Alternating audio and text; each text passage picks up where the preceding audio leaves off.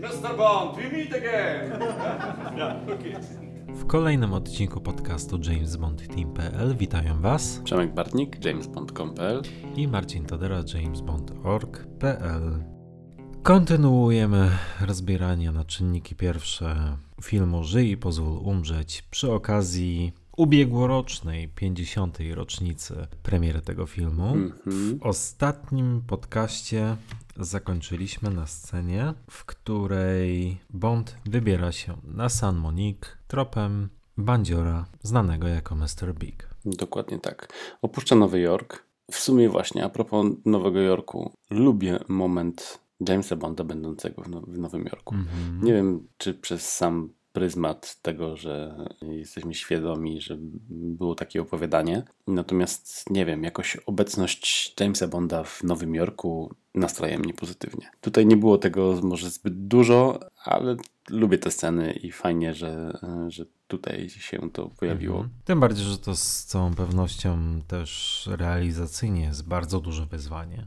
Kręcenie w Nowym Jorku jest wymagające, bardzo kosztowne. Pewnie tak, tak. więc za to jak najbardziej no, wyrazne uznanie. Tak jest, ale spadamy z Nowego Jorku i lecimy do lokalizacji, którą bardzo dobrze znamy z pierwszego filmu, w którym pojawił się agent 007, czyli na Jamajkę. I to jest kolejny motyw, który mi, tak jak powiedziałem w jednym z poprzednich odcinków, przypomina trochę doktora No w tym filmie i będzie ich jeszcze wiele innych. Subtelnych bądź mniej subtelnych, ale, ale będą. Natomiast na Jamajce widzimy od razu pewne przedstawienie, sztukę, jakąś taką, nie wiem jak to. Znaczy, dodajmy tylko, że sceny były kręcone na Jamajce, ale Bond w tej chwili jest na wyspie San Monique. Tak, tak, oczywiście. San Monique, masz rację. Pewnie fikcyjnej wyspie. Zresztą, o której też nie powiedzieliśmy, to chyba jest pierwszy raz w serii, e, w której wykorzystana została fikcyjna lokacja. Hmm. Chyba tak. Chyba tak. To jest specyfika, kiedyś też o tym już rozmawialiśmy, to jest specyfika, myślę, kinematografii lat 70., 80. Coś za, za czym ja nie przepadam, ale tak, no to prawda. A ile było fikcyjnych lokacji w Jamesie Bondzie?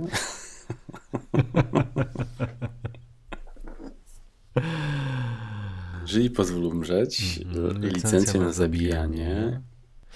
Casino Royale, ambasada Ma- Mabutu, Mobutu.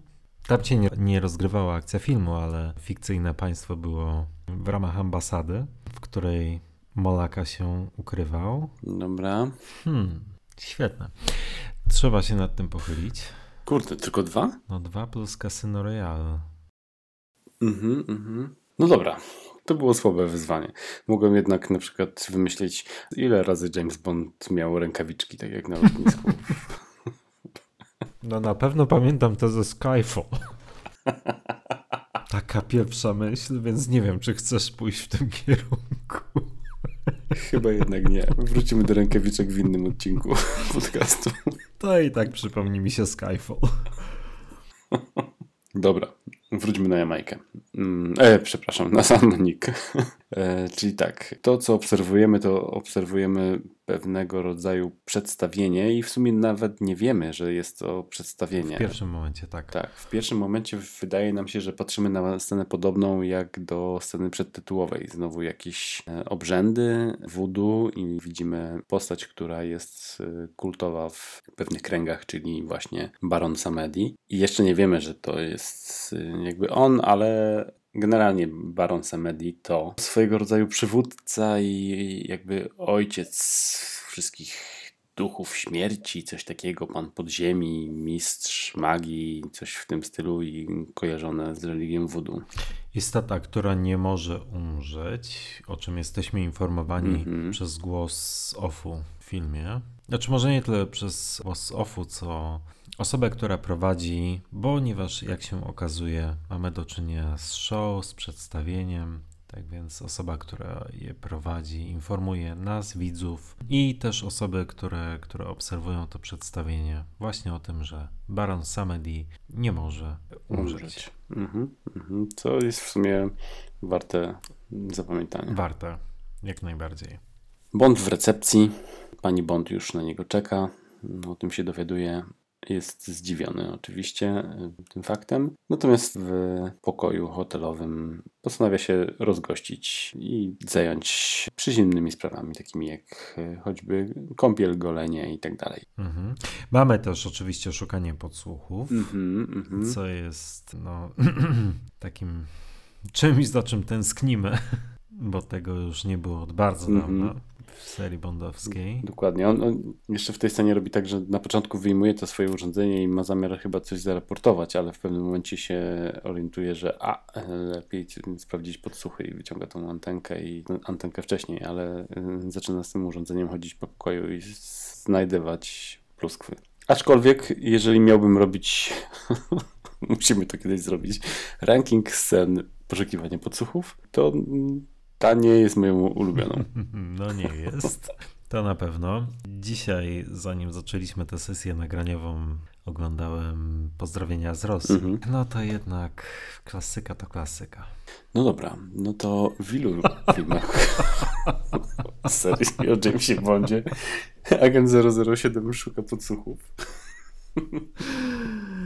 Doktor No, Pozdrowienia z pozdrowienia z Rosji.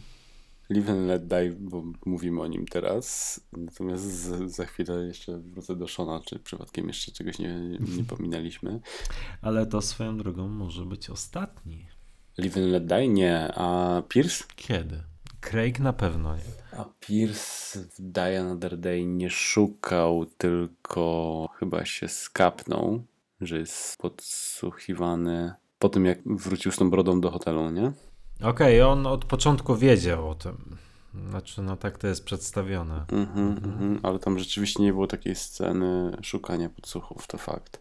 Chcesz mi powiedzieć, że Live and Let Die był ostatnim... Nie, no jak? E, A View to a Kill. E, Fantastyczna scena e, razem z lokajem swoim.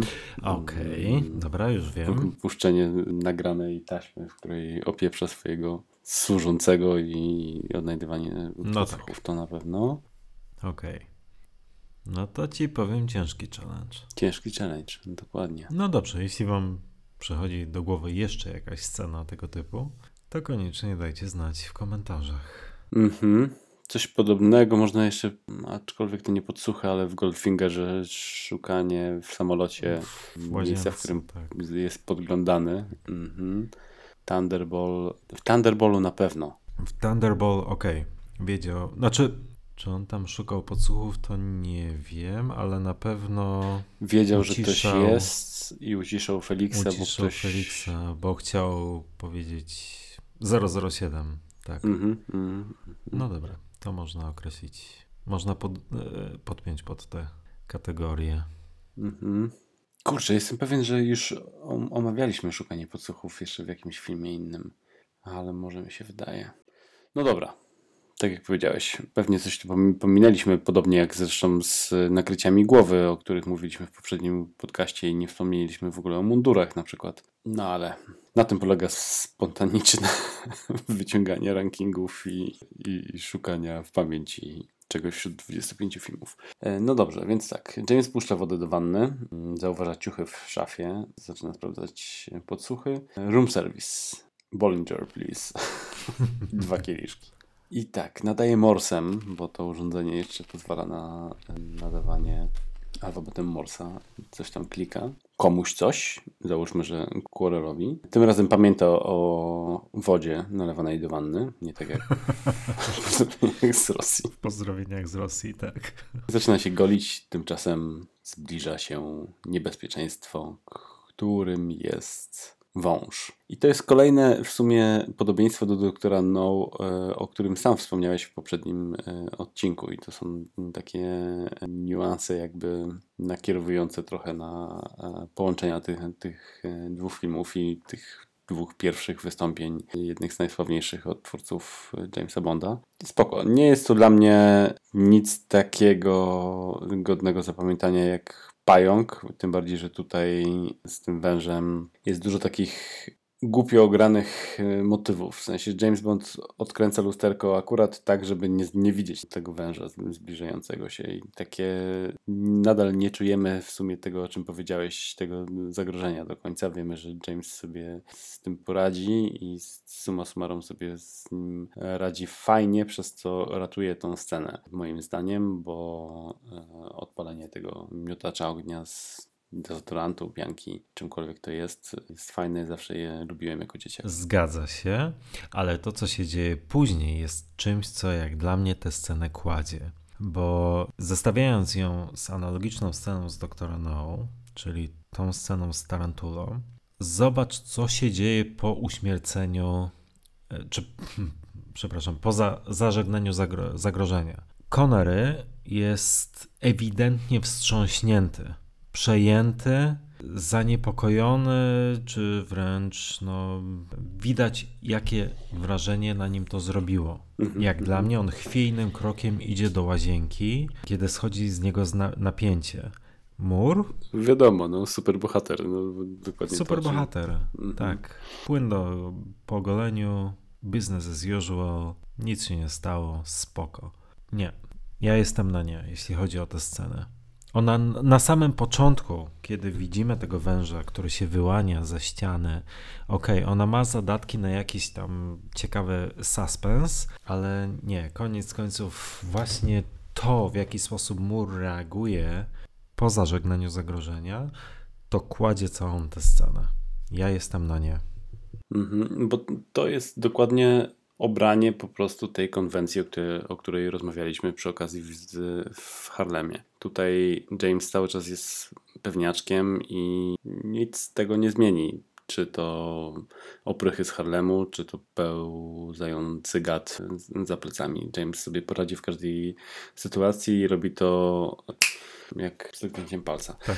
Natomiast jeżeli już kupujemy tą konwencję, no to ja jakoś nie narzekam na tą scenę. No, po prostu James tutaj jest jaki jest, jest super bohaterem i za takiego trochę go tutaj trzeba uważać, albo starają się nam go pokazać w, w, tym stylu, bo tego przykłady będą się tu jeszcze pojawiały w tym filmie, typu Cygaro, który, o którym nie, nie wspomnieliśmy, który właśnie przed, chwili, przed chwilą odpalił co też go mocno odróżnia od, od Shona, na przykład Sean z papierosem, Rogers tylko i wyłącznie z, z cygarem i będziemy mieli to cygaro też na lotni na przykład, nie? na paralotni. To też jest taki motyw, no totalnego luzaka, no kto pali cygaro na lotni, nie? Więc no tutaj po prostu w tym kierunku poszli, jeżeli już obrali taką konwencję, no to no, po prostu rozumiem tą scenę. No dobra, to to jest chyba, bo żebyśmy się dobrze zrozumieli, ja tę scenę rozumiem, ok, tylko każdy taki element to jest kamyczek do ogródka tego, że w ostatecznym rozrachunku ja tym filmem nie potrafię się w pełni cieszyć. Ja go doceniam, ale zbyt wiele rzeczy mnie uwiera w nim i te aspekty to jest, to, to, to jest jedna z nich. No mimo wszystko Możesz oczywiście robić film o superbohaterze, możesz robić film o, o, o kimś niezniszczalnym, ale wtedy, jeśli nie jesteś w stanie przejąć się losem protagonisty, no to tak naprawdę jest ci on w pewnym sensie obojętny.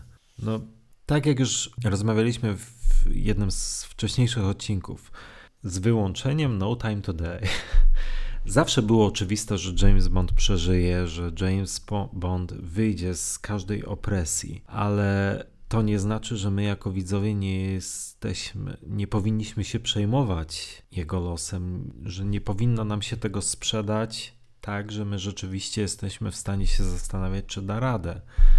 No bo jaki jest sens kibicowania bohaterowi, którego z góry wiemy, że nic nie jest w stanie pokonać? Dlatego Superman ma kryptonit chociażby. Każdy bohater powinien mieć jakąś słabość, słabostkę, no bo w przeciwnym razie nie jesteś w stanie się przejąć emocjonalnie zaangażować w jego działania, no bo z góry wiesz, jaki będzie ich wynik. Dla mnie to jest błąd scenariuszowy. Może nie tyle błąd scenariuszowy, bo to jest e, decyzja podjęta z pełną świadomością, tylko złe.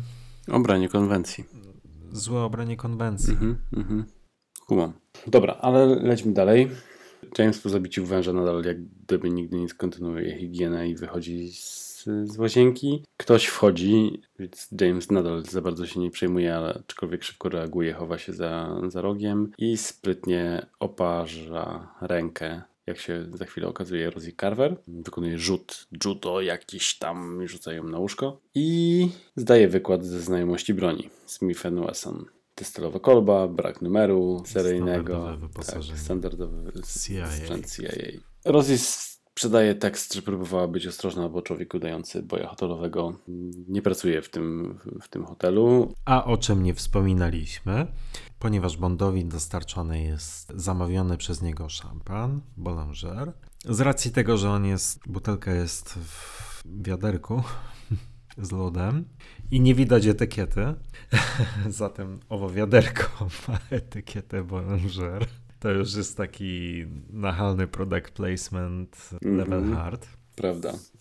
No i tam w sumie pierwszy raz słyszymy chyba szeptusia. On próbuje coś powiedzieć i Roger tam tak, Tak. fajnie gra. Champagne, shall I open it? Dokładnie. I Roger tak fajnie. Co? Co? Dam sobie radę. I manage it. Spoko. Tak, to jest fajna akurat scena. Mhm. No ale wróćmy do Rosie Carver. To jej drugie zadanie. Tak. Pierwszym był Baines. No właśnie i Baines, w tej scenie, jak ona Mhm. zaczyna o tym opowiadać, że to jej pierwsze zadanie, pierwszym był Baines, nie masz poczucia, że to trochę jakby było nawiązanie w No Time to Die e, Anna de Armas do tego? Dzięki. Tak. Też mnie ostatnio uderzyło, czy Ana de Armas i jej Paloma to nie jest próba uwspółcześnienia i oddania sprawiedliwości, bo oczywiście no, to jest nieporównywalna jakość, że się tak wyrażę, ale tak, tak, dokładnie tak. Ja ostatnio oglądając ten film stwierdziłem, że Paloma to jest Rosie Carver, ale taka, jaka właściwie powinna, Powinna być. być, dokładnie tak. I jak cały czas się zbieram do tego, słuchaj, już poczyniłem pierwsze jakieś przygotowania, żeby wypisać w No Time to Die wszystkie e, nawiązania do poprzednich filmów z serii i tym razem jak oglądałem właśnie Live and Let Die, to tak mnie naszło, że to chyba jednak jest w pewien sposób nawiązanie do, do Rosie Carver. Ja też tak uważam, tak więc bardzo dziękuję, że o tym wspomniałeś, bo dokładnie miałem to samo skojarzenie oglądając ten film ostatnio. Mhm. I tym bardziej, że to nie jedyne skojarzenie z Rosie Carver w No Time to Die, bo tak samo ten sam motyw zdjęcia peruki, tego afro, też można zestawić z, z No tak. Nie? Tak, tak, tak, tak, tak. Dokładnie tak. Jak najbardziej. To są fajne, fajne tropy. Tak, no ale Rosie okazuje się bardzo e, właśnie bojaźliwą e, agentką, którą przerażają przeróżne rzeczy, między innymi e, rekwizyty voodoo, którym okazuje się kapelusz z piórem, Mhm. cylinder. Bo co jest, tak, bo co jest też istotne, e, Rosie przez 45 sekund wydaje się być odporna na uroki Rogera Mura. Dokładnie, starała się. Tak, bardzo się starała przez te wspomniane 45 sekund, ale ostatecznie, no również z racji tego, że ten wspomniany przez ciebie kapelusz zrobił na niej takie wrażenie, e, no wydaje się, że jednak hmm, ulega jego wdziękom. Tak, prosić Jamesa, żeby został z nią na noc, no to James e, jakby uśmiechem pokazuje widzom, że zostanie. No ewentualnie. Tak. em, Scena śniadania. Scena śniadania. I jak przy lotnisku chwaliłem strój Wiedziałem, że to powiesz. i mówiłem, że niestety nie we wszystkich scenach tego filmu będzie James wyglądał rewelacyjnie. Tak, szlafrok przy scenie śniadania jest dla mnie naprawdę fantastycznym ubiorem. A to, co ma tutaj założone, to ja nawet nie wiem, jak to nazwać. To żonobijka, tak zwana, przykryta jakimś niebieskim kompletem z turbokrótką marynarką, którą mogę uznać za bolerko. I, spodniami. Wygląda naprawdę źle. No to nie wygląda jak James Bond, tylko wygląda jak jakiś łachmyta, no. Brakuje mu tylko, żeby jeszcze ręce z tego śniadania wytarł tą koszulkę i poszedł na zakupy. No błagam. Jest to z całą pewnością e, outfit, do którego nie jesteśmy przyzwyczajeni. Tak. Mhm. Tak dyplomatycznie to powiedziałeś trochę. Ale zgadzam się z tobą w 100%. Ale co nie zmienia faktu, że scena jest istotna również z innego e, względu, bo James Bond otrzymuje przesyłkę, mhm. którą jest karta e, Tarota Królowa Kielichów. Która oznacza? Która, jak się później okazuje, najwyraźniej oznacza kobietę nielojalną. Dwulicową, tam jest wytłumaczone to chyba, nie? Dwulicową, jest to wytłumaczone, tak. Natomiast no jest to o tyle istotne, że... Hmm, że co? Że James skądś później wie, że Rosie Carver jest podwójną agentką. Rosie Carver jest podwójną agentką, natomiast no jest to też, umówmy się, po pierwsze bardzo naciągane, bardzo delikatnie mówiąc, a po drugie e, my jako widzowie tak naprawdę nie wiemy e, skąd on tę kartę ma, czy kto mu ją przysyła, chociaż no założyć musimy, jak się wydaje, że, że Bond ma tę kartę, czy otrzymuje tę kartę od Solitaire, jest to jej ostrzeżenie dla niego, bo innego wytłumaczenia ja osobiście nie widzę. Mhm. I to jest ten drugi mini motyw, którym będę starał się wytłumaczyć postępowanie Jamesa, albo raczej nie. Nie będę starał się wytłumaczyć postępowania Jamesa stop, bo to jest niewytłumaczalne, ale będę starał się wytłumaczyć reakcję Solitare po zajściu. Taki spoiler. Eee, Dobrze. Możesz próbować. Domyślam się, że to nie będzie łatwe. No, ale już sprzedałem wszystkie swoje asy z rękawa. Dobrze. E, po śniadaniu James udaje się, James w sumie nie wie, czym jest ta karta, więc e, udaje się do sklepu z e, kartami Tarota. Ja to zupełnie inaczej interpretuję. Okej. Okay to dawaj, bo ja zawsze myślałem, że nie wie, czym jest ta karta i idzie jakby dowiedzieć się, co ona oznacza. Mm -mm. A czym jedno drugiego nie wyklucza, ale Bond idzie do sklepu przede wszystkim kupić kilka zestawów kart Tarota. Oj, myślę, że to jest nadinterpretacja prowadząca do tego, żeby później udupić Jamesa. Moim zdaniem idzie dowiedzieć się, czym jest ta karta, a przy okazji wpada na pomysł, kupię talię. To, to zupełnie inaczej brzmi. Niech słuchacze to rozstrzygną. Myślę, że James. No, jesteś bardzo okrutny. James... Zakładasz, że jest naprawdę James jest okrutnym człowiekiem. Eee, nie, ale tak. Natomiast James Bond Rogera Mura nie zdarzyło się, żeby czegoś nie wiedział. Ani przez te ile 35 minut filmu, które omówiliśmy, przez trzy ostatnie podcasty, e, ani przez późniejsze sześć filmów, no nie zdarzyło się, żeby James Bond nie przypominam sobie, żeby James Bond czegoś nie potrafił, czegoś nie wiedział. I nie wydaje mi się, żeby mhm. w tej scenie było inaczej. I... No kurde, powiem ci, że totalnie mnie zaskoczyłeś, bo ja jakby zawsze, ale to zawsze e, rozpatrywałem tą scenę w kontekście jakby śledztwa, czym jest ta karta. On nie wie jeszcze z czym się mierzy i idzie to sprawdzić. I oczywiście przy okazji kupuje karty, natomiast nie, nie robi tego z, jakby z, nie idzie tam tylko i wyłącznie po to, żeby kupić kartę. On przecież nie wie do tej pory, że na wyspie, do której będą płynąć, jest Solitara. On się o tym dowiaduje mhm. dopiero chwilę później. I Aż całą, mhm. całą talię kart e, jednego rodzaju ma skąd, twoim zdaniem?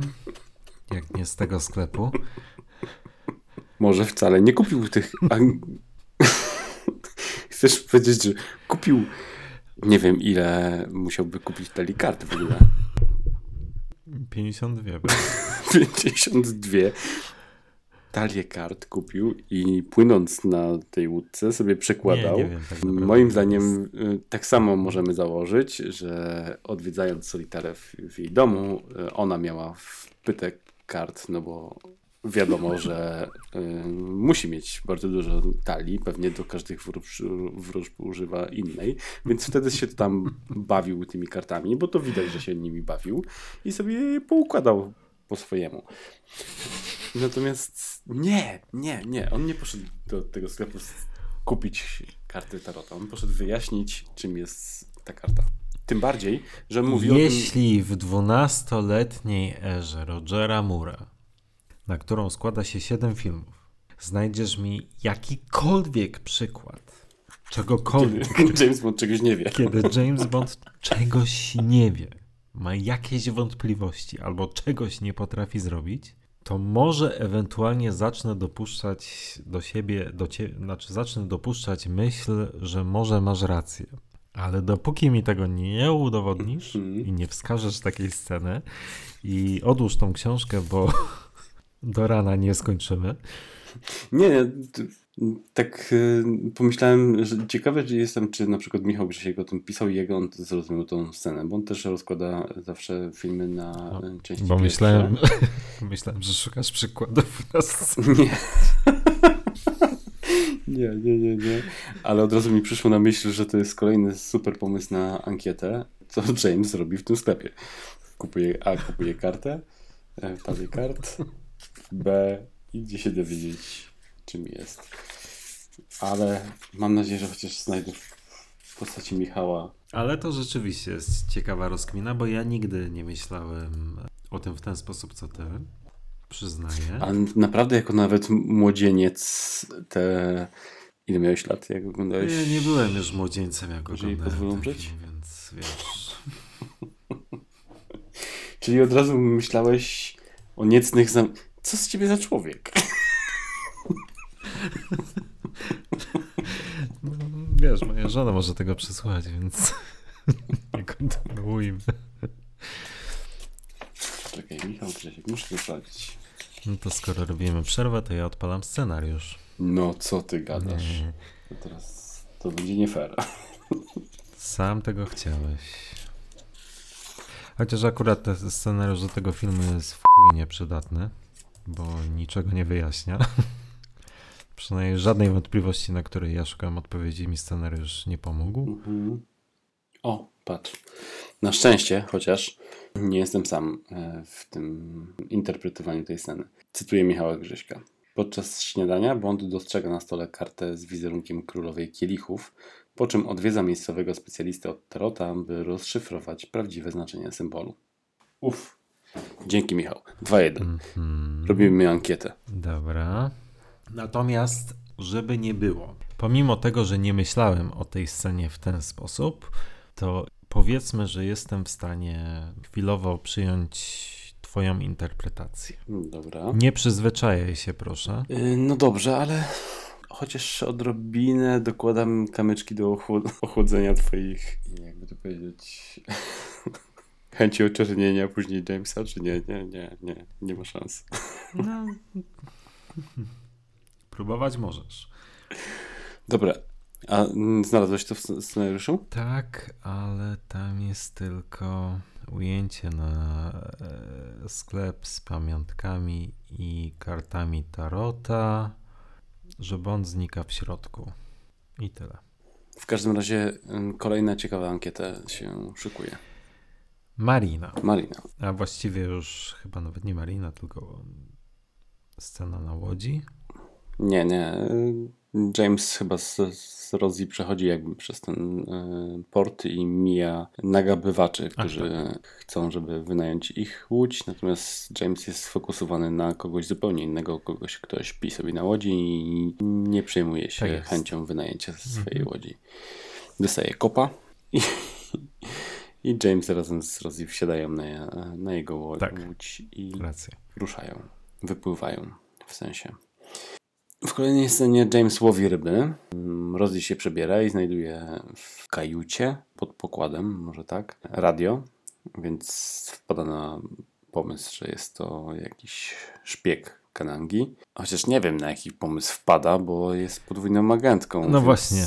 Próbuje oszukać widza, No padając na pomysł, że jest to Łotr Kanangi. Tak. No i tak naprawdę, nie znając tego filmu, nas oszukuje. Tak. Później, poznając ten film i analizując tak, jak to robimy teraz, wydaje się to bezsensownym zachowaniem. I w scenie takiej, która jakby dodatkowo sugeruje, że mm, właśnie osoba, od której wynajęli łódź, chce zabić Jamesa, bo stoi nad Jamesem i szykuje y, linę i wygląda jakby miał go zaraz udusić. I Rosie Carver bierze go na, na muszkę, a po chwili dowiaduje się, że jest to gość, z którym James Bond chętnie by się nawet podzielił własną szczoteczką do zębów i nazywa się Quarrel Junior. Co jest kolejnym jakby totalnie już niesubtelnym, o którym wspominałem wcześniej, nawiązaniem do Doktora No, bo Quarrel to Quarrel. Wiadomo z kim się ma nam kojarzyć. Tak, ale nie, bo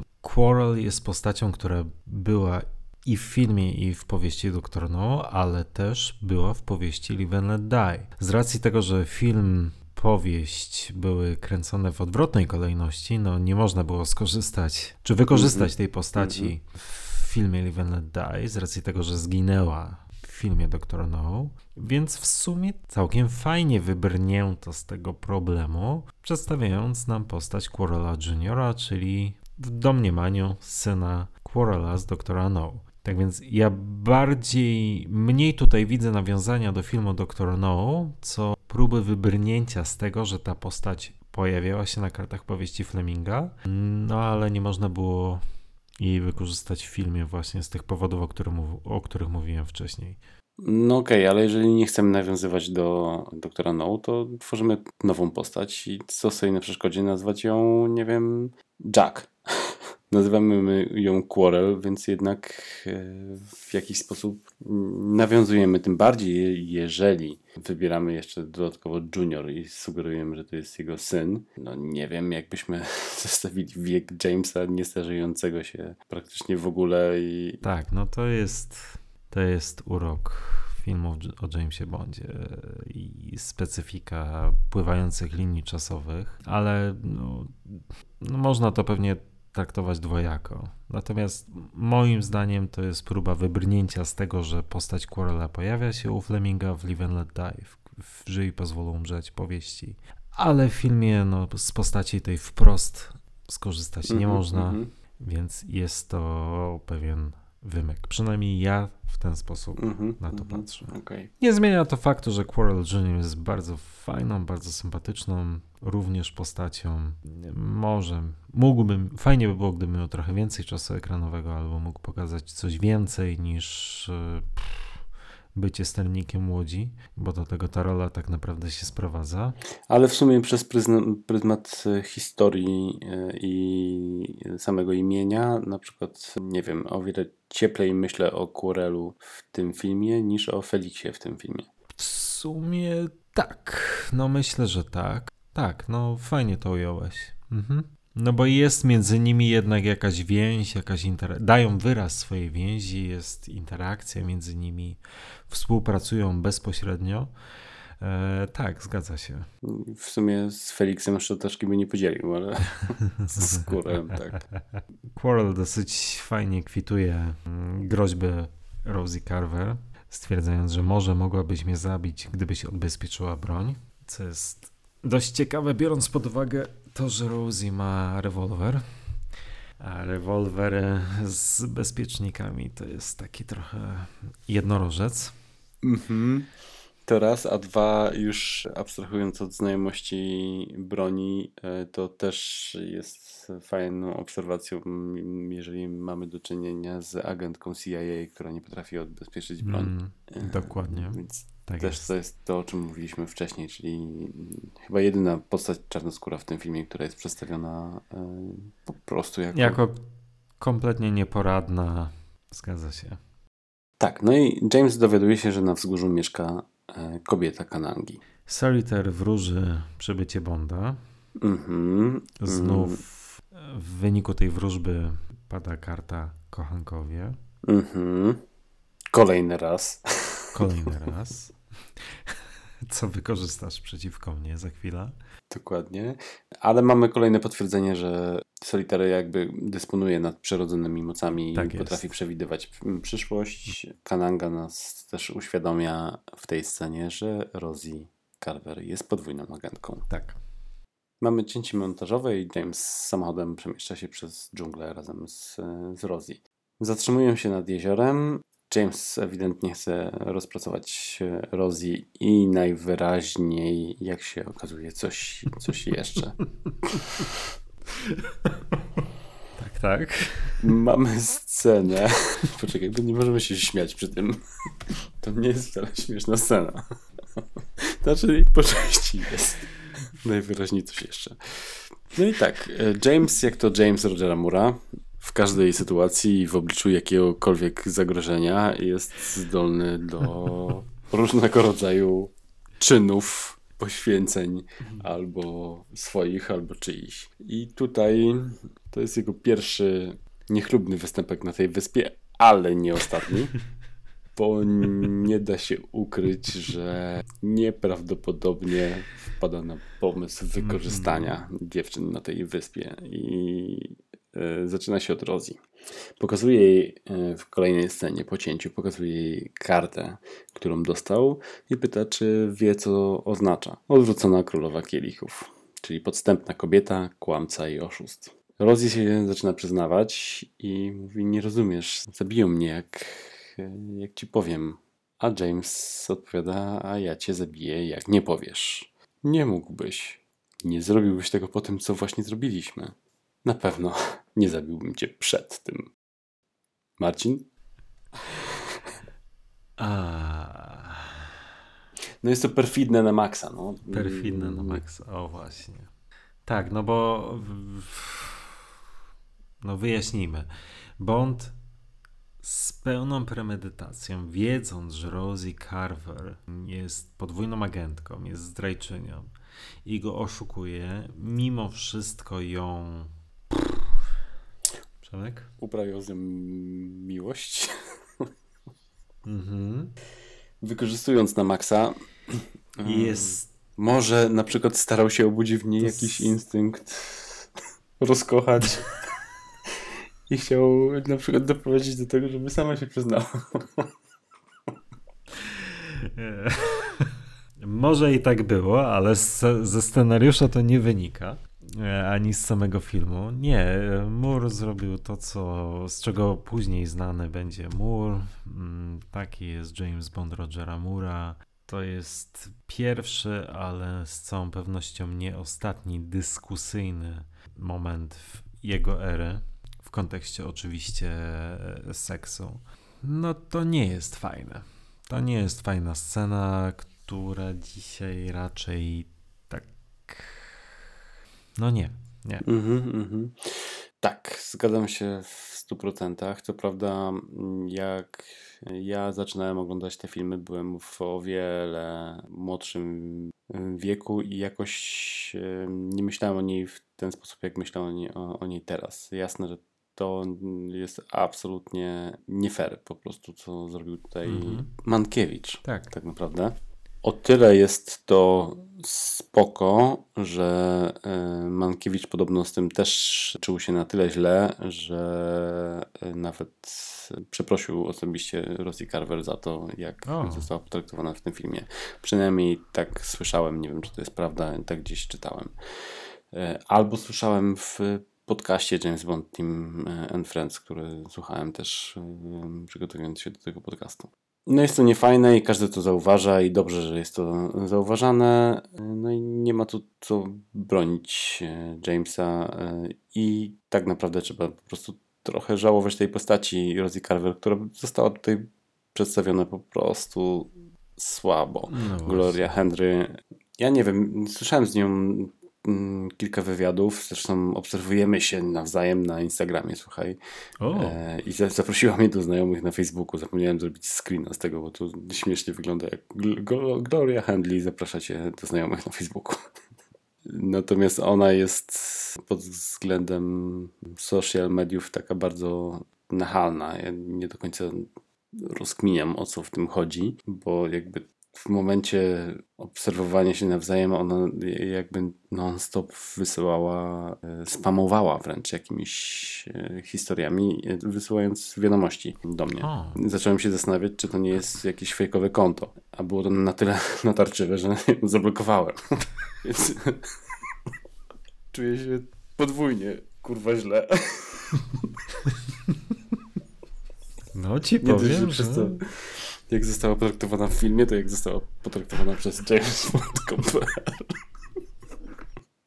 E, Ale schodząc na ziemię i e, przestając żartować, no to mm, ewidentnie jest tutaj coś, coś nie tak w tym scenariuszu i dobrze, że sam Mankiewicz to zauważył, e, tylko szkoda, że po fakcie, a nie pisząc. No po fakcie, dokładnie. E, Rosie Carver i myślę, że jest jedną z najsłabiej napisanych postaci, które mają jakiś wpływ na fabułę któregoś z filmów tej serii. Szkoda, bo na wielu poziomach ta postać nie gra.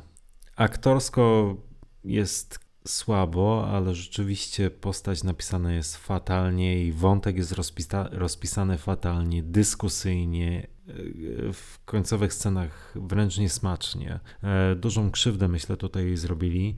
Szkoda, bo to tak patrząc z kulturowego punktu widzenia, czy popkulturowego, to jest ważna scena, bo to mimo wszystko jest pocałunek Jamesa Bonda z e, czarnoskórą kobietą. To jest no nie będę tego teraz porównywał, nie wiem, do pocałunku kapitana Kerka z Uhurą. Być może, natomiast no jest to coś, co było kontrowersyjne wówczas, bo to było coś, co mogło spowodować, że nie wszędzie w Stanach, choćby w Stanach Zjednoczonych, ten film się dobrze sprzeda.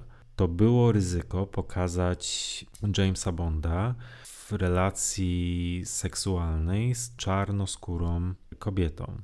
Tak więc należy docenić odwagę twórców, cały czas pamiętając o jakich czasach mówimy. Natomiast no, sposób, w jaki ją przedstawiono, to jest y, groza. To jest dramat. Tak, tym bardziej, że kończy też chwilę później tak naprawdę właśnie po tej scenie. Też słabo jak na, na tą postać. Właśnie została wykorzystana i na dodatek przeraża się jakimś kolejnym e, znakiem wudu i mm, zostaje zastrzelona, więc e, no scenariuszowo jest to naprawdę słabo rozegrane. Tym bardziej to, co powiedziałeś jest bardzo ważne, bo faktycznie ten film po części można uznać, że miał za zadanie wprowadzenie czegoś innowacyjnego. Ok, mieliśmy filmy Black Exploitation, o których rozmawialiśmy. E, Mieliśmy też drugą białą stronę Hollywood. Tu mamy taki interactual, mamy połączenie czarnoskórych postaci, które są przedstawione zazwyczaj w bardzo może niepozytywnym, ale nie wiem. Tak jak sobie o tym mówiliśmy wcześniej, inteligentnym i w miarę fajny Na sposób pewno nie ośmieszający. Dodatkowo, e, to, o czym nie wspomnieliśmy wcześniej, tutaj do angażu głównej roli kobiecej, o ile dobrze wyczytałem, rozważano Dianę Ross w jakichś tam wczesnych wersjach scenariusza czy koncepcji na ten film. I Diana Ross, o ile, o ile się nie mylę, nie miała grać Rosie Carver, tylko miała grać Solitarę. Więc główną rolę kobiecą już wtedy chcieli powierzyć czarnoskórej y, kobiecie. A Rosie Carver pierwotnie była, z tego co pamiętam, napisana jako postać biała. Znaczy, jako biała kobieta, Okej. tak. Mhm. Mhm. Więc to, to było super odważne, tylko na to się nie zgodzili jednak e, chyba United Artists. Więc jest tutaj wiele elementów, które przemycili producenci i chcieli jakby dobrze, natomiast w niektórych momentach po prostu w- wyszło to niestety zupełnie odwrotnie. I Rosie Carver jest tego chyba najlepszym przykładem. Mhm. Tak, właśnie patrzę na scenariusz i tam rzeczywiście jest napisane, że Rosie to była kapitalikami, wręcz jest to opisane White Girl. Mhm. Mhm. Tak, tak, tak. Rosie była pierwotnie napisana jako, jako biała kobieta. No, wyszło niezręcznie, ale to nie pierwsza i nie ostatnia niezręczność w tym filmie. I serii. Tak jest. Dobra. W kolejnej scenie mamy Kanangę i Solitaire. Z tej sceny. Mhm. Tak? Tylko taka mini, mini rozkminka.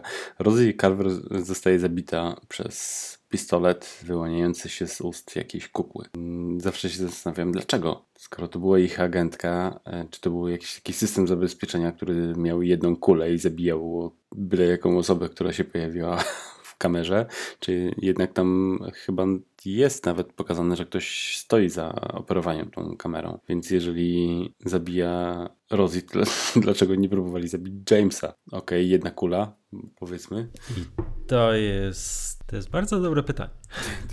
Myślałem, że tak naprawdę ty będziesz do tego pił, a nie ja. Pewnie słuchacze podobnie. To jest bardzo dobre pytanie.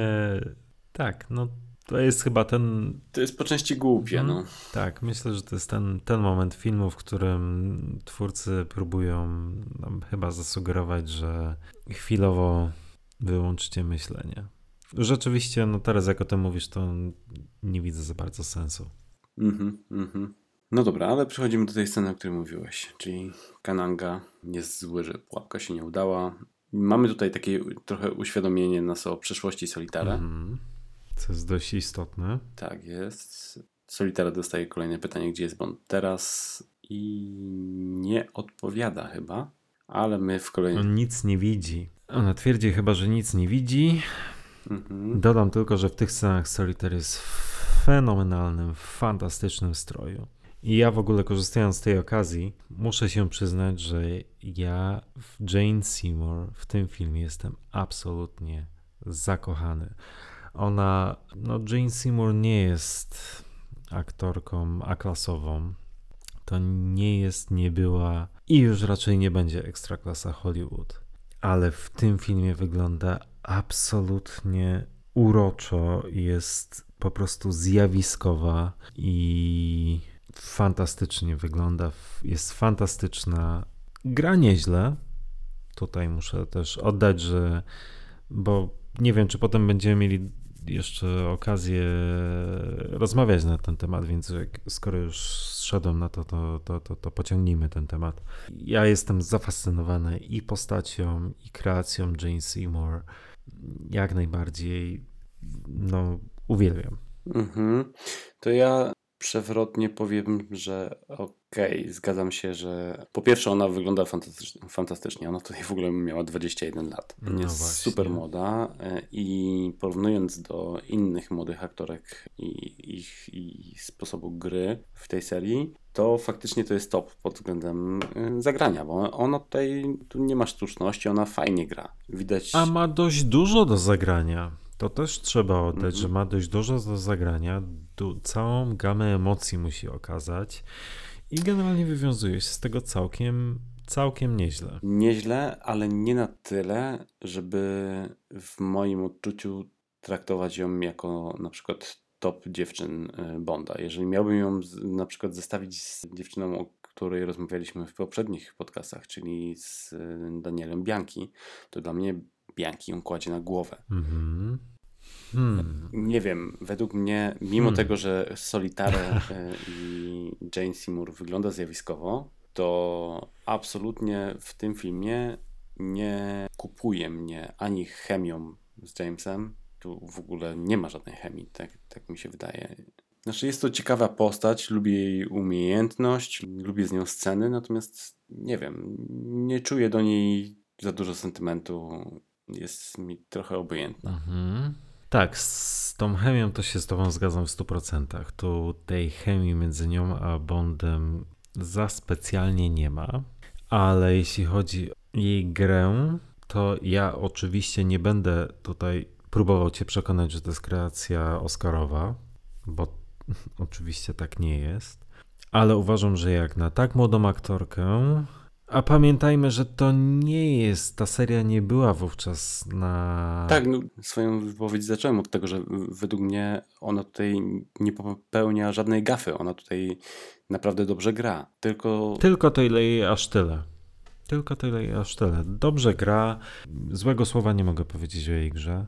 Biorąc pod uwagę moment, w którym znajduje się ta seria, gdzie tutaj nie mamy do czynienia z aktorami nominowanymi czy uhonorowanymi Oscarami, złotymi globami czy złotymi palmami w Cannes, jak to ma miejsce teraz. Uważam, że zagrała świetnie, miała co zagrać, miała dość wymagającą rolę, bo dość zniuansowaną i złożoną. Tak więc ja jestem jak najbardziej na tak. A przy Twoim porównaniu ona czy Daniela Bianchi, no to myślę, że mam bardzo ciężki orzech do zgryzienia i chociaż mieliśmy nie mnożyć e, tych ankiet na grupie jamesbondteam.pl, to myślę, że zróbmy wyjątek i spróbujmy również taką ankietę wrzucić, bo jestem szalenie ciekaw wyniku. Ja też. Nie jestem pewien, czy wszyscy się ze mną zgodzą. Wątpię, bo Solitary jednak jest charakterystyczną postacią do tej serii, ale dla mnie wygrywa Bianchi,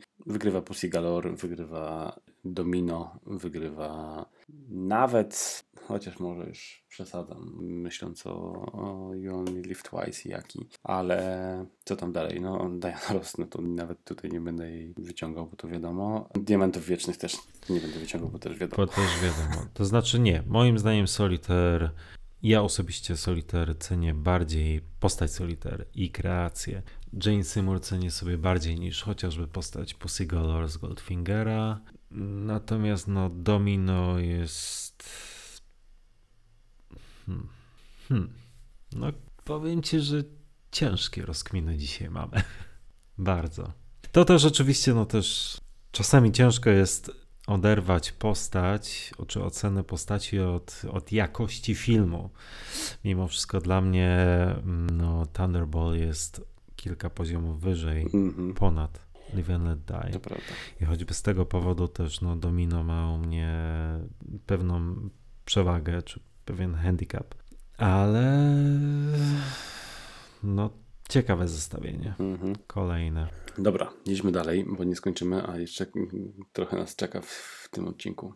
Gdzie jest Bond? Solitaire nie odpowiada, ale właśnie, czy ona widzi? Yy, widzi na karcie, że jest w powietrzu, a kłamie Kanandze, że nie wie? Bo według mnie chyba tak jakoś tutaj widać, że go okłamuje. Nie wiem. Nie odpowiem na to pytanie. Dobrze, więc ja uznam, że mam rację. No okej, okay, to ja nie zaprzeczę. I że widzi, że się zbliża, ale okłamuje specjalnie Kanangę, mówiąc, że nie wie, gdzie jest. Cięcie i widzimy, że Roger jest w powietrzu. Jest w powietrzu z cygarem na paralotni. A, jeszcze jedna ważna kwestia w tej scenie z Kanangą. Kananga tu poza tym, że opowiada o, o niej, o, o, jej matce, to pokazuje też to, jaki ma stosunek do Solitara i że jest jego jakby niewolnicą, czy jak to nazwać, i że przypomina jej, że sam jej odbierze moce, kiedy uzna to za stosowne. To też jest jakby ważna scena, scena dokładnie, ważny dialog, którą będę kolejny raz wykorzystywał do jakiejś tam linii, linii obrony, więc słowo przysięgłych. Proszę wziąć to pod uwagę. Ależ my budujemy ten suspens. James na lotni z cygarem, które po chwili gasi, coś tam chyba odpina linkę od Kurela i pokonuje strażnika. Jedynego strażnika tej wyspy. i tej posiadłości Solitara. Ląduje, zmienia garnitur z czarnego na jasny. Nie to, że zmienia, wyciąga drugi jasny, tylko odwraca marynarkę, tak, czy spodnie chyba zrzuca i pod spodem ma jasne, jasne drugie spodnie, a marynarkę odwraca na drugą stronę. Taki sprytny, dwustronny komplet pokazuje.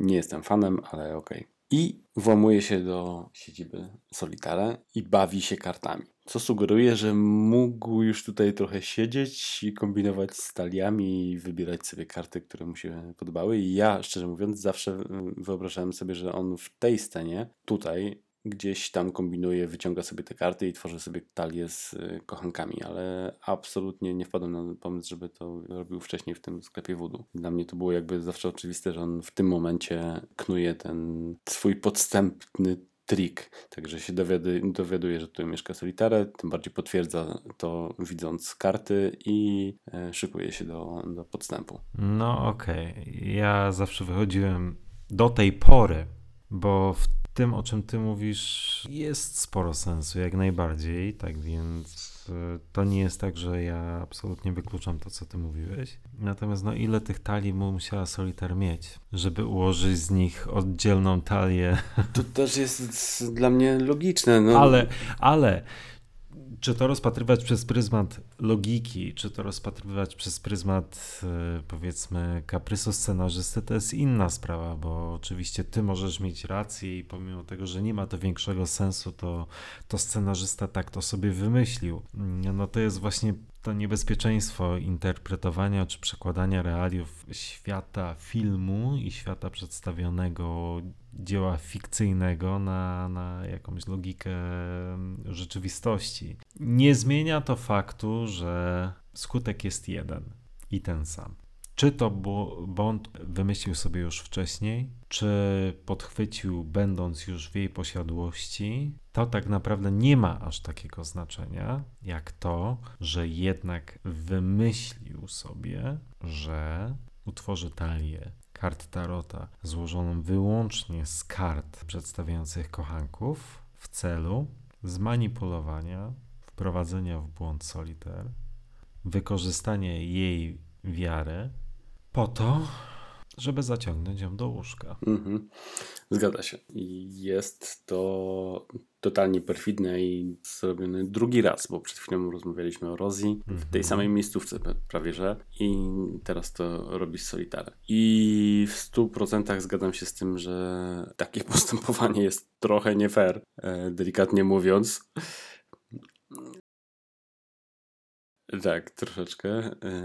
Natomiast to, co mam na obronę w stosunku do tego scenariusza, tak naprawdę, to jest to, że on nam usilnie pokazuje od pierwszych scen spotkań Solitary z Bondem, że coś jest na rzeczy. To pierwsze wyciągnięcie karty kochankowie jest w żaden sposób nie sprowokowane przez Jamesa, tak? Wyciąga osoba wierząca i przewidująca przyszłość, wyciąga kartę kochankowie. I już w tej scenie ona, moim zdaniem, się w nim za, zaurocza.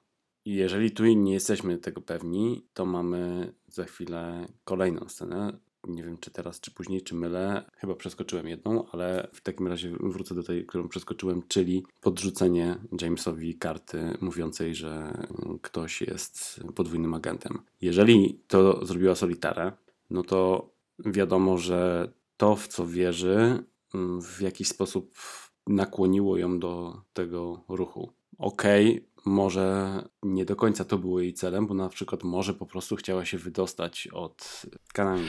Tak, jak w książce, bo mhm. dokładnie mm -hmm. tak było w powieści, że Solitaire bardzo zależało na tym, żeby się uwolnić od wpływu Kanangi. Chciała z Bondem uciec, chciała, żeby ją obronił, ochronił.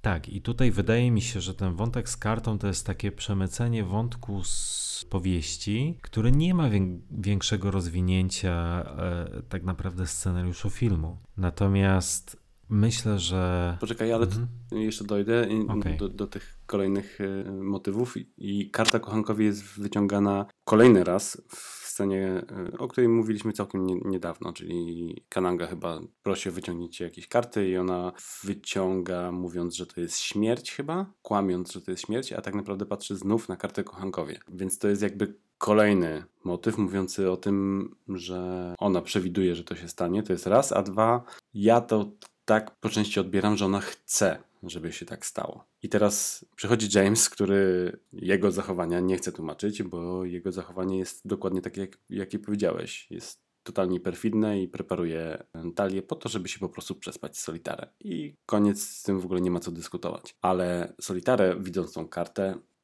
okej, okay, idzie do łóżka z Jamesem, zostaje wykorzystana, mm powiedzmy, albo inaczej. No nie powiedzmy, tylko zostaje wykorzystana ale moim zdaniem tego chce, bo mówi o tym też nie tylko te domysły, które teraz rzucam spośród tych scen, które złożyłem, mm, które były wcześniej, tylko mówi też o tym scena po stosunku, gdzie James się przyznaje do swojego triku, a ona ma to totalnie w dupie i mówi, że to jest Nie. nieważne. Do tej sceny za chwilę dojdziemy, bo to jest manipulacja ze strony scenarzystów. Nie pierwsza w tej serii, ale zwróć uwagę na to, jak dochodzi do tej sceny. Mhm. Solitaire wyraźnie mówi, że to jest niemożliwe. To jest dla mnie zabronione.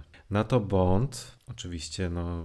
Po tym, jak już wybrała kartę kochankowie, Mhm. Bond naciska dalej. Ona mówi mu, że to jest zabronione dla niej że to jest niemożliwe, a Bond na to, ale przecież ty naprawdę w to wierzysz, wierzysz w kartę. Bond oczywiście nie, ale cały czas naciska. Solitaire przyznaje, karty nigdy mnie nie okłamały. No to w takim razie karty nie okłamały, nie, nie kłamią i teraz. Co Bond próbuje osiągnąć, zaciągając Solitaire do łóżka? Nie musi tego robić po to, żeby zyskać w niej e, sojusznika, bo ona już jest po jego stronie. To ona go przestrzegła przed e, Rosie Carver. On tylko chce zaspokoić swoje żądze, chce ją zdobyć, pomimo tego, że ona wyraźnie mówi: Nie, nie mogę, to jest dla niej zabronione. A on nadal jakby no dąży do celu. Scenarzyści manipulują nami jako widzami, bawiąc się wcześniej tymi kartami i tą nieuchronnością, tym wyciąganiem kart y, kochanków, pomimo tego, że James Bond, który jest głównym bohaterem tego filmu, ma to w dupie i w to nie wierzy.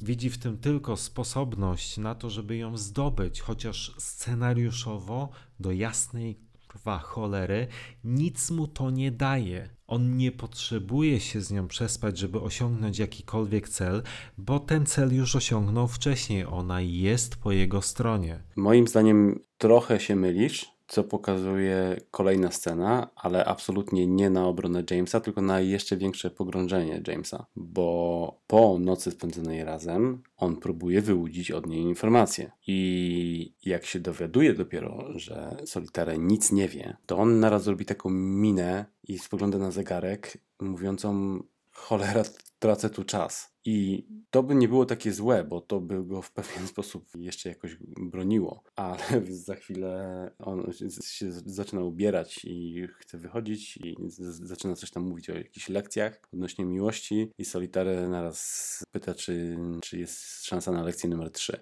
i James się z powrotem rozbiera. To jest straszne. to też jakby pokazuje, że Solitare po pierwsze tego chciała i po drugie chce dalej. I moim zdaniem ta niesmaczność w tej scenie jest, jest, ale chyba nie do końca uważam, że powinniśmy przypisywać jej aż tak wielką e, skalę, jaką przypisujemy.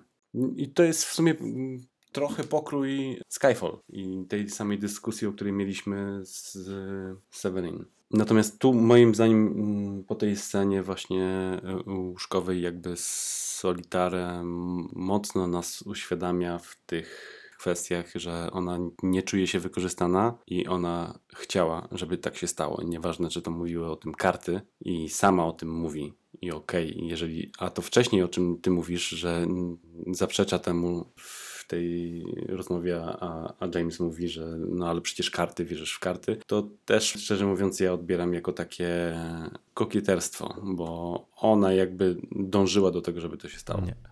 Tu się z tobą akurat nie zgodzę. E, Solitaire się poddała temu, przynajmniej ja tak interpretuję tę scenę. Solitaire się poddała temu, wierząc w to, że taki los ją czeka, bo tak wskazywały karty. Bond w to nie wierzy, to już o tym wspominaliśmy, tak? Ale Solitaire się poddała kartom, natomiast y, ja nie widzę tego, że Solitaire dążyła do tego i chciała tego, Mhm. ponieważ Solitaire głęboko wierzyła, w przeciwieństwie do powieściowej Solitaire. Filmowa Solitaire głęboko wierzyła w to, że posiada moce, że te moce ma tak długo, jak jest dziewicą, jak dla mnie po stosunku, kiedy tępym wzrokiem wpatrywała się w sufit, to nie jest wyraz satysfakcji, spełnienia i nazwij to jak chcesz, tylko to jest przerażenie. Jasna cholera, co ja zrobiłam. To, czy mamy czas na lekcję numer 3, to jest perfidna manipulacja scenarzystów, którzy myślę, że wyczuli, że może się posunęli o ciupinkę zbyt daleko, więc trzeba to naprawić. Tak samo jak zrobili na przykład w scenie z Patricią Fearing w operacji Piorun, którą też Bond perfidnie, kurwa, wykorzystuje jej słabość. No ale potem jest scena post factum, gdzie ale w sumie było fajnie, więc jest spoko. No nie. No nie.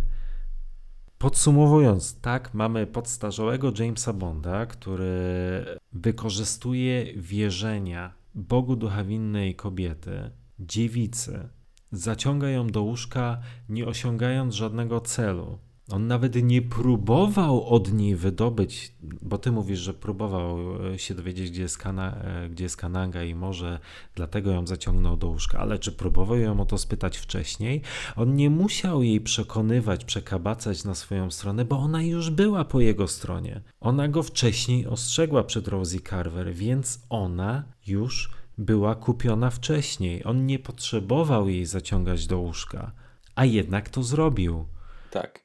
Ja absolutnie nie bronię tutaj Jamesa, bo tak jak powiedziałem i powtórzę kolejny raz, w tej kwestii się zgadzam z Tobą w 100%. James tutaj perfidnie po prostu wykorzystuje sytuację do zaciągnięcia solitara do łóżka. Koniec, kropka. Perfidnie to jest mało powiedziane, ale to jest tak niesmaczne. Kiedy przygotowywałem się do, te, do tej sesji nagraniowej, wykorzystałem e, publikę testową w osobie mojej żony która Bonda lubi. To nie jest tak, że ona z przymusu ogląda te filmy, tylko generalnie lubi filmy o Jamesie Bondzie. Nie jest jakąś wielką miłośniczką i maniakiem, ale z przyjemnością ogląda. I poprosiłem ją, żeby zwróciła szczególną uwagę na tę scenę, nie wchodząc w szczegóły, i później po seansie rozmawialiśmy o, nie, o tym. Ona tę scenę określiła jako obleśną. Również z innych względów, akurat na które ja być może nie zwróciłem uwagę, ponieważ dla niej Roger Moore w tej scenie był podstarzały, a Solitaire młodziutka, jak tutaj cytuję. No i faktycznie Solitaire, czy przepraszam, Jane Seymour ma 21 lat, Roger Moore 45 tak naprawdę mógłby być jej ojcem. No tak, to jest ewidentnie kamyk do określenia jako obleśne. Tak, a mimo wszystko i jeśli do tego dodasz to, że ona jest dziewicą w tym filmie.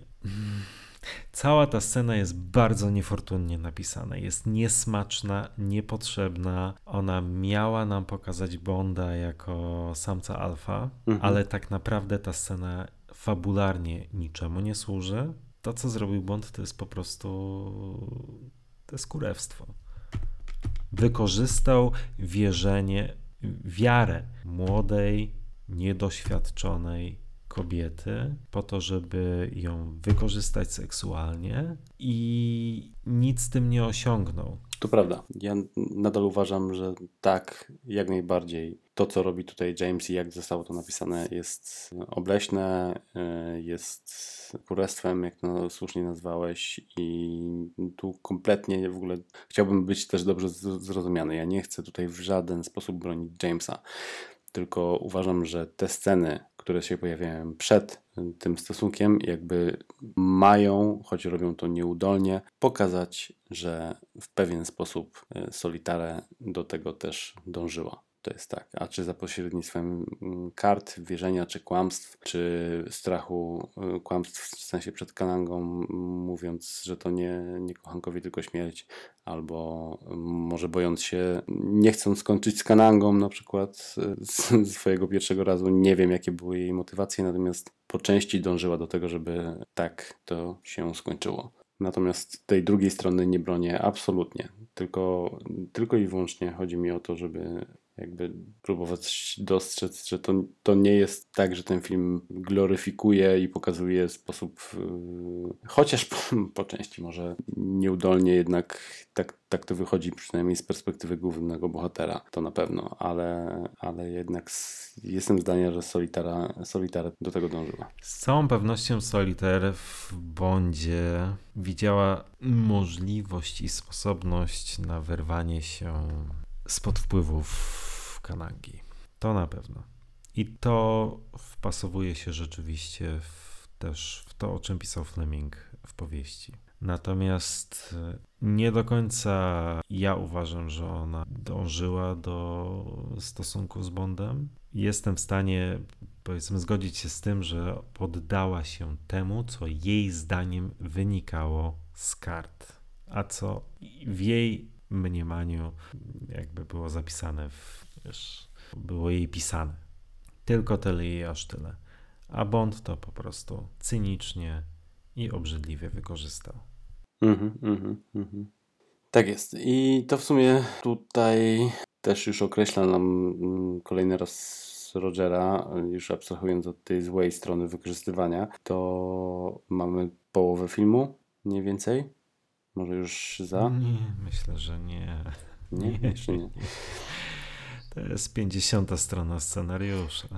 No, a James tak, wiemy, że minimum dwa razy z Włoszką spędził upojne chwile i myślę, że te minimum dwa to nawet było przed tym, jak Caruso pytała, jeżeli jeszcze raz, nie Mia Mole. Więc możemy uznać, że w scenie przedtytułowej James już był po jakichś trzech, czterech stosunkach w samym Londynie. Potem dwa razy minimum z Rosie Carver i już jesteśmy po dwóch razach z e, Solitare. Więc Roger Moore zapisuje się w historii Jamesa Bonda rekordami pod względem tak. swoich mocy seksualnych. Superbohater na każdym polu, aczkolwiek superbohater nie w kontekście e, dżentelmeństwa, o które de facto przewrotnie zawsze był. Niesłusznie było mu przypisywane. Właśnie. I to jest, to jest to jest też ciekawe, nie? Że na przestrzeni czasów Bardzo. trochę się to zmieniło, a zapytaj 20 lat temu kobiety nawet, nie? Z kim ci się kojarzy James Bond? Gentleman. Roger Moore, ojej. I wszyscy wzdychamy, nie? Więc... Mhm. Tak jest. No. I myślę, że to jest dobry moment. To... Ja tylko chciałem powiedzieć, przepraszam, tak, bo zgadzam się z Tobą, ale tylko chciałem powiedzieć, że w tym kontekście tym bardziej warto docenić tylko dla Twoich oczu. Gdzie przypomnijmy, zanim dojdzie do pierwszego kontaktu tego typu, mija dobra połowa filmu. I jest to bardzo solidnie przepracowane, bardzo fajnie, może nie solidnie, ale bardzo fajnie przepracowane w scenariuszu i z całą pewnością niekontrowersyjne. Mhm, mhm, mhm. Tak, no to już inny kaliber na każdym polu. Zupełnie inny kaliber, tak. Więc tak, zgadzam się z Tobą. To jest, myślę, dobry moment, żeby przerwać tą historię. Chciałem tylko zauważyć, że e, tak, kończymy trzeci odcinek podcastu o Żyj i pozwól umrzeć. A ja nie jestem nawet w połowie moich notatek. Co fantastycznie wróży na przyszłość. Ale jest godzina druga 44, więc myślę, że przerwijmy w tym momencie i wracamy już niedługo z odcinkiem numer 4. Tak jest.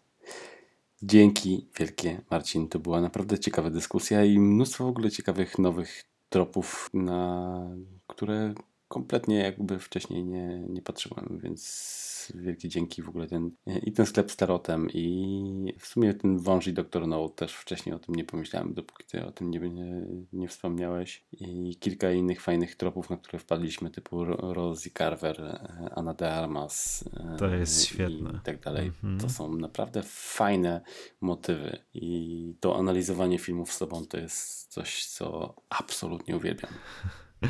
A ja swoją drogą muszę przyznać, że kiedy zacząłem przygotowywać się do tych podcastów, to przez myśl mi nawet nie przeszło, jak wiele może być do opowiedzenia o tym konkretnym filmie. Tak więc no, w tej chwili to już jestem praktycznie przerażony, jaki będzie efekt końcowy. No ale fajnie, bo, bo faktycznie ten film jest istotny, jest znaczący, ma swoją historię, ma swoje momenty gorsze, lepsze, również te przerażająco niesmaczne, ale no, z całą pewnością jest e, całe mnóstwo do opowiedzenia. Tak więc bardzo serdecznie dziękuję za ten podcast, za dotychczasowe podcasty z tej serii i James Bond Timpel powróci, jak zawsze. James Bond Timpel powróci. Dzięki.